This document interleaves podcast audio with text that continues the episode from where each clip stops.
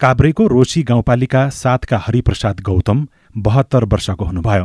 पैँतालिस वर्ष भारतमा एउटा सरकारी कार्यालयमा चालकको रूपमा बिताउनुभएका उहाँ सेवानिवृत्त भएपछि पेन्सन लिन थाल्नुभयो र दुई हजार त्रिहत्तर सालमा नेपाल फर्कनुभयो। बिहे पनि उतै गरेँ इन्डियाबाट। सत्तरी सालदेखि नै म पेन्सन थापेर बसेँ। नेपाल आएको चार वर्षपछि ज्येष्ठ नागरिक भत्ताका लागि प्रक्रिया सुरु गरे पनि भारतीय पेन्सन लिँदै आएको भन्दै पाउने नपाउने निश्चित भइसकेको थिएन। यही साउन बाइस गते सिआइएनको कार्यक्रम जीवन रक्षा काभ्रेको रेडियो रोशी मार्फत सुनेर उहाँले आफू सामाजिक सुरक्षा भत्ता पाउन योग्य छु भन्ने थाहा पाउनुभयो।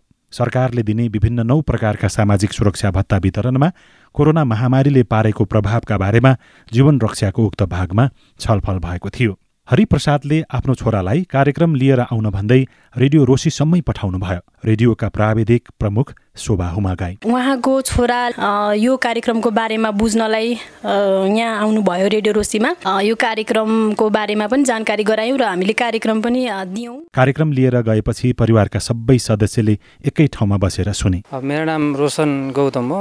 म चाहिँ उहाँको छोरो हो। रोसी एफएममा गएँ उता बगुल्ने। बुझेँ त्यहाँ गएर आउने रहेछ पाइने रहेछ भन्ने कुरा थाहा पाइसकेपछि कुरा राखिदिएँ। बुवा चाहिँ पालिका जानुभएको रहेछ। उहाँले प्रसारण भइसकेको कार्यक्रम रेडियोबाट ल्याएर फेरि सुन्नुको कारण यो थियो कि सामाजिक सुरक्षा भत्ता बारेमा दिइएको जानकारी सहितको कार्यक्रमबारे छिमेकीले नै सुनाएका थिए। मेरो नाम रामेश्वर श्रेष्ठ हो। म नम्बर सातमा बस्छु। जीवन रक्षामा साढे नौ बजीदेखि दस बजीको कार्यक्रम थियो। त्यो कार्यक्रममा मैले एउटा हाम्रै गाउँको हरिप्रसाद गौतमको बारेमा सम्बन्धित नै एउटा सानो जानकारी दिएको थिएँ। भारतीय जुनसुकै सुविधा लिएको भए पनि नेपालमा सामाजिक सुरक्षा भत्ता पाउनका लागि कुनै समस्या नहुने जानकारीका साथ हरिप्रसाद गाउँपालिकामा पुग्नुभयो। वडा नम्बर सातका अध्यक्ष पोष्टराज गौतमसँग आफ्नो कुरा राख्नुभयो। नेपालको भत्ताको लागि नपाउने जागिर खाएको भएदेखि इन्डियाको बाहिरको भए पाउने भनेर सुनेर मैले म गएको। रेडियो कार्यक्रम छलफलको विषयवस्तुका बारेमा जानकारी लिएपछि वडा अध्यक्ष गौतम सामाजिक सुरक्षा भत्ताका लागि प्रक्रिया अघि बढाउन तयार हुनुभयो। सिआइएनसँग कुराकानी गर्दै वडा अध्यक्ष गौतमले भन्नुभयो मैले नेपालले दिएको सुविधा पाइनँ भनेर धेरै ठुलो गुनासो थियो। आज उहाँको परिवारै खुसी हुनुहुन्छ। तपाईँहरूको एउटा उहाँले धेरै सराहनीय गर्नुभएको थियो। हिजो बेलुका पनि उहाँले मलाई तपाईँको यस्तो भयो मिडिया मार्फत भनेर मैले कुरा गरेँ।